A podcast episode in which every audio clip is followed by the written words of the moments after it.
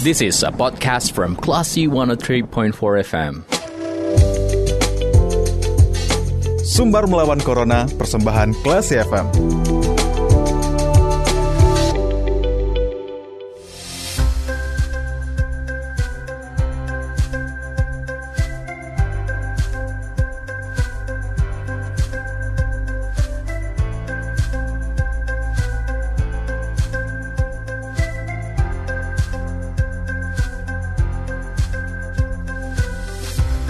103,4 kelas FM bersama kita lawan Corona. Kelas People, Anda kembali mencermati program Sumber Melawan Corona. Kali ini masih bersama saya Faris Sardana. Nah, kelas People mahasiswa dan dosen di Magister Keperawatan Universitas Andalas melatih pelaksanaan protokol kesehatan di sekolah-sekolah. Nah, untuk membahasnya kita sudah terhubung bersama Ketua Prodi Magister Keperawatan Universitas Andalas, ada Dr. Rika Sabri MKes SP Kepkom. Assalamualaikum, Ibu Rika. Waalaikumsalam warahmatullahi wabarakatuh. Mas Baris. Sehat Ibu? Alhamdulillah. Alhamdulillah. Nah, e, Ibu Rika, dalam rangka apa sih e, Magister Keperawatan Universitas Andalas melakukan sosialisasi protokol kesehatan kepada siswa-siswa sekolah? Oke. Okay. Uh, sebenarnya ini merupakan kegiatan uh, rutin yang kita laksanakan di prodi Magister Keperawatan yeah. Fakultas Kesehatan UNAN, hmm. yaitu pengabdian masyarakat. Jadi uh, setiap tahun itu uh, berganti tema, tapi untuk uh, dua tahun terakhir kita yeah. tema kita tetap ke COVID ya hmm. uh, untuk penanggulangan COVID di sini kita ingin memperlihatkan bagaimana peran perawat uh, ya peran perawat uh, untuk uh, bisa berkontribusi untuk penanggulangan uh, ini ya penanggulangan atau pencegahan dari uh, penyakit COVID ini gitu. Hmm. Karena uh, kalau di rumah sakit jelas ya peran yeah uh, perawat di rumah sakit jelas bagaimana mereka membantu uh, pasien-pasien di rumah sakit mulai dari uh, deteksi awal sampai uh, ya sampai pasien sembuh gitu. Hmm. Tapi kalau untuk uh, saat ini uh, kita ingin memperlihatkan bahwa perawat itu juga ber, bisa berperan di komunitas di yeah. masyarakat. Nah, salah satunya di masyarakat ini adalah kelompok atau kita sebut uh, sebagai agregat gitu ya yeah. hmm. kelompok uh, usia sekolah gitu. Nah salah satu setting itu adalah di sekolah. Jadi kita memulai menumbuhkan secara dini pada adik-adik uh, sekolah dasar bagaimana uh, apa itu penyakit COVID, kemudian hmm. uh, bagaimana mereka harus menghindari penyakit ini yeah. agar mereka tidak tertular. Jadi uh, uh, dimulai dari itulah sehingga kami merancang untuk membuat perencanaan uh, kegiatan pengabdian masyarakat kami tahun ini kolaborasi antara uh, dosen yeah. program magister keperawatan dengan mahasiswa. Jadi kita mulai dari uh, pendidikan uh, sekolah dasar. Uh, dalam pelaksanaan kegiatan ini, Bu Rika, apa saja sih yang materi-materi uh, yang diajarkan kepada siswa-siswa sekolah? Uh, kalau terkait dengan materi yang kita ajarkan uh, di di sekolah itu hmm. uh, kita memulai dari mengenalkan apa itu kadar kesehatan yeah. khusus untuk protokol kesehatan. Jadi di sini uh, kita memperkenalkan di topik uh, pengenalan kadar ini kita memperkenalkan kepada anak-anak itu hmm. uh, kepada anak SD uh, bahwa uh, apa namanya bahwa kader kesehatan itu khususnya di sekolah itu sangat diperlukan. Hmm. Nah di sini seperti pembelajaran uh, melalui teman sebaya atau kelompok sebaya gitu. Hmm. Jadi nanti anak kita berikan wewenang yaitu dari hasil diskusi dengan kepala sekolah dan kita uh, memberikan mereka wewenang untuk mengingatkan uh, teman mereka kalau misalnya uh, tidak menggunakan masker yeah. atau belum mencuci tangan gitu kemudian menjaga kebersihan sekolah uh, setidaknya dari kelas mereka hmm. kemudian uh, mereka juga kita uh, ajarkan uh, apa kita uh, kita uh, informasikan juga tentang uh, apa namanya uh, bahwa kader kesehatan sekolah ini juga untuk uh, keluarga gitu yeah. ya jadi hmm. mereka juga mengingatkan dari rumah mengingatkan hmm. adiknya ibunya uh, dan rata-rata memang anak-anak uh, uh, di SD yang kami uh, lakukan pelatihan tadi uh, orang tua mereka adalah orang tua pekerja. Nah tentu hal ini yang harus diwaspadai kan dari kantor mungkin pulang lupa uh, udah seharian tidak ketemu anak, yeah. ketemu anak. Nah inilah yang nanti dia sebagai leadernya di rumah dia menyampaikan, mama belum cuci tangan dulu atau mama hmm. mandi dulu gitu. Yeah. Nah hmm. dari ini kita memulai dari dari keluarga hal, -hal seperti itu gitu. Kemudian uh, uh, anak-anak ini juga uh, apa uh, mereka juga uh, kita uh, perkenalkan untuk uh, COVID itu apa hmm. ya jadi mulai dari uh, mulai apa itu COVID mulai dari uh, virus ini seperti apa nanti di mikroskop itu seperti apa bentuknya bagaimana dampaknya kalau kita kena COVID kemudian kita juga bayangkan ke mereka banyak teman atau anak-anak seusia mereka yang sudah kehilangan orang tua yeah. gitu ya karena penyakit ini tentu mereka juga tidak mau hal itu terjadi. Nah ini mungkin sebagai uh, penguat agar mereka pun serius dalam mengikuti kegiatan ini gitu. Itu untuk tentang COVID. Kemudian tiga itu pencegahan uh, COVID uh, pada anak usia uh, sekolah hmm, gitu. Hmm. Jadi di situ juga diajarkan bagaimana mereka melakukan protokol kesehatan, cara mencuci tangan, yeah uh, menjaga jarak, menggunakan masker yang benar, gitu kan, cuci tangan yang benar. Kemudian kita juga memperkenalkan uh, ya waktu-waktu mungkin mereka nanti akan uh, mengikuti kegiatan vaksin untuk anak sekolah, misalnya kan. Nah dari sekarang kita menyampaikan sehingga mereka pun siap nantinya bahwa itu harus mereka ikuti, gitu yeah. kan. Hmm. Mereka harus ikuti demi kesehatan mereka, gitu. Kemudian kami juga mengajarkan tentang manajemen waktu itu hmm. besok kegiatannya jadi di manajemen waktu itu mereka uh, mampu uh, merancang atau memanage waktu uh, mereka selama uh, satu hari itu ngapain gitu sehingga hmm. kalaupun mereka daring mereka tidak merasakan bosan dan mereka pun harus mengatur waktu dalam penggunaan gadget mereka gitu hmm. uh, selama proses pembelajaran gitu. Jadi ada uh, besok itu kegiatan manajemen waktu, kemudian juga ada tentang pengenalan gizi. Hmm. Jadi gizi uh, yang sehat atau gizi yang baik uh, untuk meningkatkan imunitas anak itu seperti apa. Nah, kita perkenalkan itu ke mereka. Yeah. Nah, nanti mereka juga bisa uh, sharing pada keluarga mereka ini loh yang mereka sudah dapatkan di sekolah. Nah, mungkin uh, itu bisa memfasilitasi orang tua uh, orang tua bisa memfasilitasi sehingga anak bisa mendapatkan gizi yang baik gitu. Hmm. Nah, uh, terakhir mereka juga uh, kita ajarkan tentang uh, bagaimana uh, tips untuk meng, untuk uh, mengurangi rasa kejenuhan, yeah. cemas, hmm. stres selama pandemi karena kita tak kadang-kadang anak tidak terungkapkan oleh anak bahwa mereka dalam kondisi stres atau mereka dalam kondisi cemas melihat situasi saat ini gitu.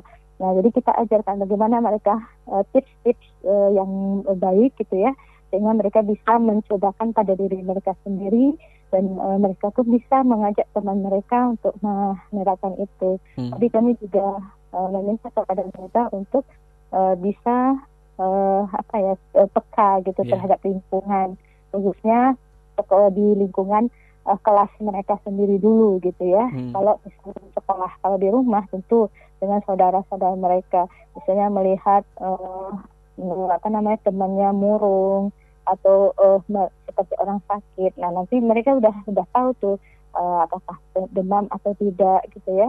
Nah, nanti mereka juga akan meneruskan kepada teacher mereka atau guru mereka. Nah, itu akan mendapat tidak lanjut yang lebih cepat gitu. Hmm. Nah, itu materi yang nanti dua selama dua hari ini kita berikan kepada eh, anak-anak uh, uh, sekolah itu. Berarti secara basic memang protokol kesehatan COVID-19 menjadi bahan utama yang diajarkan ya dok, uh, Bu Rika. Kemudian ya, betul. nanti juga bagaimana siswa-siswa sekolah ini menjadi kader kesehatan tidak hanya di sekolah tapi termasuk juga di rumah mereka masing-masing. Ya, betul sekali. Uh, kemudian uh, Bu Rika, uh, dalam pelaksanaan dua hari yang baru hari ini hari pertama ya Bu hari, pertama. uh, ya, hari ini. hari pertama. Apa saja yang sudah ditemukan uh, di sekolah saat memberikan pelatihan ini Bu? Apakah mungkin anak-anak yang masih belum ngerti cara nyuci tangan yang benar atau mungkin ya. ada antusiasnya seperti apa Bu Rika? Oke okay, oke. Okay. Sebenarnya kalau kita lihat tadi ya. Uh, Eh, anak-anak itu uh, mereka antusias ya mereka sudah menunggu kami itu sejak jam 8 kurang itu mereka udah udah yeah. udah siap gitu hmm. uh, di ruangan itu dengan dengan lengkap uh, menggunakan uh, pelaksanaan protokol kesehatan gitu yeah. ya hmm. dan uh, mereka sangat antusias sekali dan uh, di saat uh, kita menanyakan kemudian di saat uh, uh, mereka pun bertanya gitu ya hmm. adalah kegiatan dua arah yang terjadi komunikasi dua arah yang terjadi antara si uh, kami sebagai penyaji dan uh, dari anak kemudian uh, kalau dikatakan uh, mereka belum belum bisa atau untuk mencuci tangan mungkin hmm. ada satu dua yeah. yang uh, barangkali kita temukan masih ragu atau ya biasalah malu-malu hmm. nah jadi mereka lupa yeah. gitu ya tapi sebenarnya mereka uh, kalau saya melihat dari sudut dari sisi sekolahnya cukup bagus mereka memperkenalkan uh, apa namanya tentang uh, protokol kesehatan itu pada anak-anak uh, sekolah itu uh, dan uh, tadi cukup uh, interaktif dan nah dan siswanya ya yang yang sangat saya lihat uh, ini sekali yang uh, bisa saya uh, tangkap gitu ya uh, kita mengajarkan uh, langsung gitu ya hmm. seperti apa mencuci tangan yang benar kemudian uh, dengan media kita tadi itu ada video juga yeah. ya hmm. yang uh, ditayangkan gitu kemudian bagaimana cara penggunaan masker yang benar sehingga mereka langsung berubah yeah. gitu hmm. tadinya maskernya turun-turun hanya hidungnya tidak tertutup nah habis itu terakhir mereka bisa eh, menerapkan uh, cara yang benar untuk penggunaan masker gitu hmm. uh, bahkan ada yang uh, tadinya kita selalu sediakan uh, protokol kesehatan salah satu facial gitu yeah, kan. Uh. Nah mereka mereka gunakan. Hmm. tadinya sebelumnya mereka tak gunakan mereka gunakan gitu. Jadi itu uh, mas uh, banyak hal yang kita juga bisa belajar dari mereka.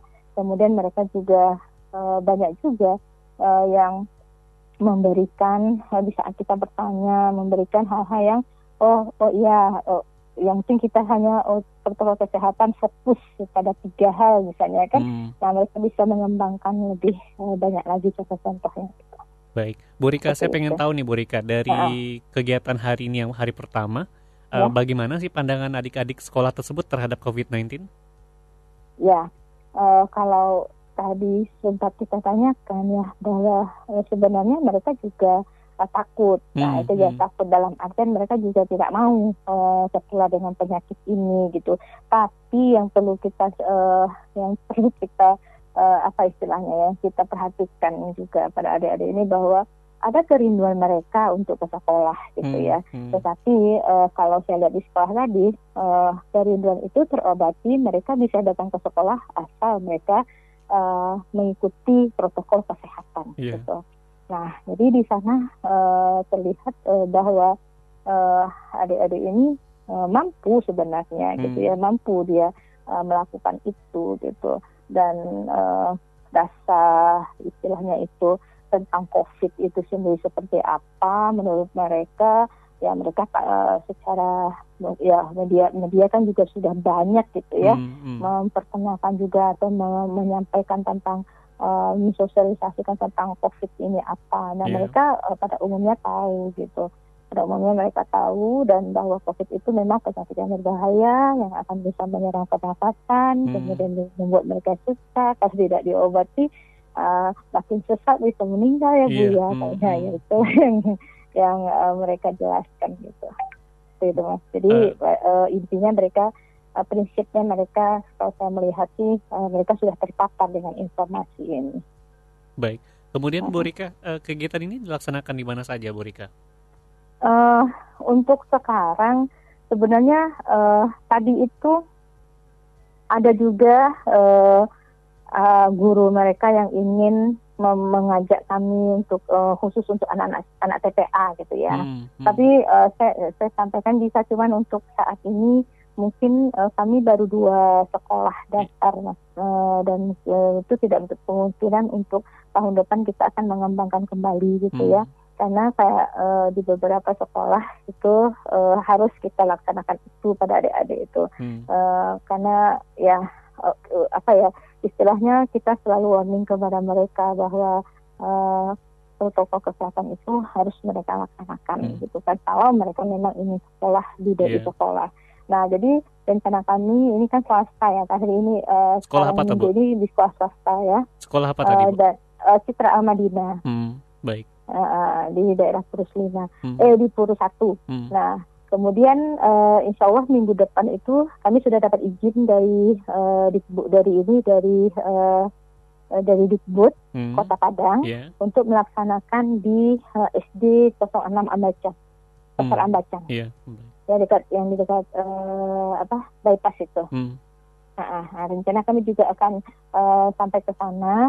Uh, jadi kita sedang penyusun waktu dengan uh, kepala sekolahnya. Baik. Gitu, Mas. Uh, terakhir Bu Rika, apa pesan yang mungkin bisa disampaikan buat masyarakat terkait dengan uh, apa yang sudah dijalankan? Apakah juga nantinya kalau masyarakat uh, atau NGO ataupun kelompok masyarakat yang tertarik melakukan hal yang sama, apa yang mungkin perlu diperhatikan? Iya, barangkali uh, kalau misalnya uh, ingin ada ada organisasi masyarakat atau NGO atau uh, misalnya sekolah-sekolah yang lain ingin uh, melakukan hal yang sama satu hmm. hal barangkali yang uh, menjadi uh, perhatian bahwa kita bahwa kita menyampaikan dalam bahasa anak-anak yeah. gitu ya hmm. kemudian uh, yang mudah mereka pahami kemudian uh, kalaupun ada istilah yang uh, rasanya sulit uh, untuk kita ganti dengan kata-kata uh, lain tapi kita harus uh, menjelaskan sedikit mungkin contoh tadi ya droplet apa itu hmm. droplet hmm. gitu kan Nah itu uh, kami tadi uh, uh, yang menyampaikan kepada mahasiswa kami ya, yeah. itu hmm. dijelaskan sedetail mungkin sehingga mereka tahu oh itulah droplet. Gitu Gak ya. bisa literal nah, disampaikan itu tanpa diberikan penjelasan ya Bu Rika? Ya, hmm. jadi jangan sampai kita memberikan atau menyampaikan itu kepada anak tanpa kita kasih uh, penjelasan yang jelas. Yeah. Hmm. Gitu ya uh, setiap saat pun kita harus menanyakan pada anak ah, paham pahamkah dia dengan apa yang kita jelaskan itu hmm. gitu. Sehingga kita bisa tahu oh dia bisa mengerti. Kemudian terakhir kita harus bisa uh, melakukan evaluasi ya evaluasi. Jadi kita tidak sekedar datang kemudian kita menyampaikan kemudian kita uh, sudah selesai enggak tapi bagaimana tindak lanjutnya nanti. Nah, di sini kami uh, harapannya itu mungkin nanti uh, libatkan uh, tenaga kesehatan dari puskesmas supaya hmm. pemantauan dari UKS-nya gitu. Kan ada uh, unit kesehatan sekolah ya. Yeah. Hmm. Jadi, uh, uh, jadi ada kolaborasinya uh, dengan uh, UKS. Gitu. Itu mungkin akan lebih baik gitu. Uh, dan akan terpantau uh, dari puskesmas juga itu, Mas. Baik. Jadi uh, dapat saja dilakukan dengan cara yang apa uh, topik atau tema yang sama misalnya kan, tapi itu barangkali dengan bahasa anak-anak dengan cara anak dengan penyampaian yang jelas pada mereka sehingga mereka paham pemahaman mereka sama dengan kita. Oh hmm. itu dia uh, COVID gitu. Dan bisa menjadi kader kesehatan juga di rumahnya iya. masing-masing. Ya. Baik. Ya itu yang penting. Baik, terima kasih Bu Rika sudah ya. berbincang ya. bersama Kelas FM. Sehat-sehat selalu okay. Ibu. Selamat bertugas Sehat kembali. Selalu, Assalamualaikum. Ya. Waalaikumsalam warahmatullahi wabarakatuh. Terima kasih. Eh, terima kasih kembali Bu Rika. Demikian kelas People perbincang kita bersama Ketua Prodi Magister Keperawatan Universitas Andalas ada Dr. Rika Sabri MKes SP Kepkom dalam perbincangan di Sumbar Melawan Corona dan saya Faris Sardana. Kita ke program selanjutnya. Terima kasih. Anda sudah mencermati program Sumber Melawan Corona. Cermati podcast obrolan ini di www.classfm.co.id atau download aplikasi Classy FM.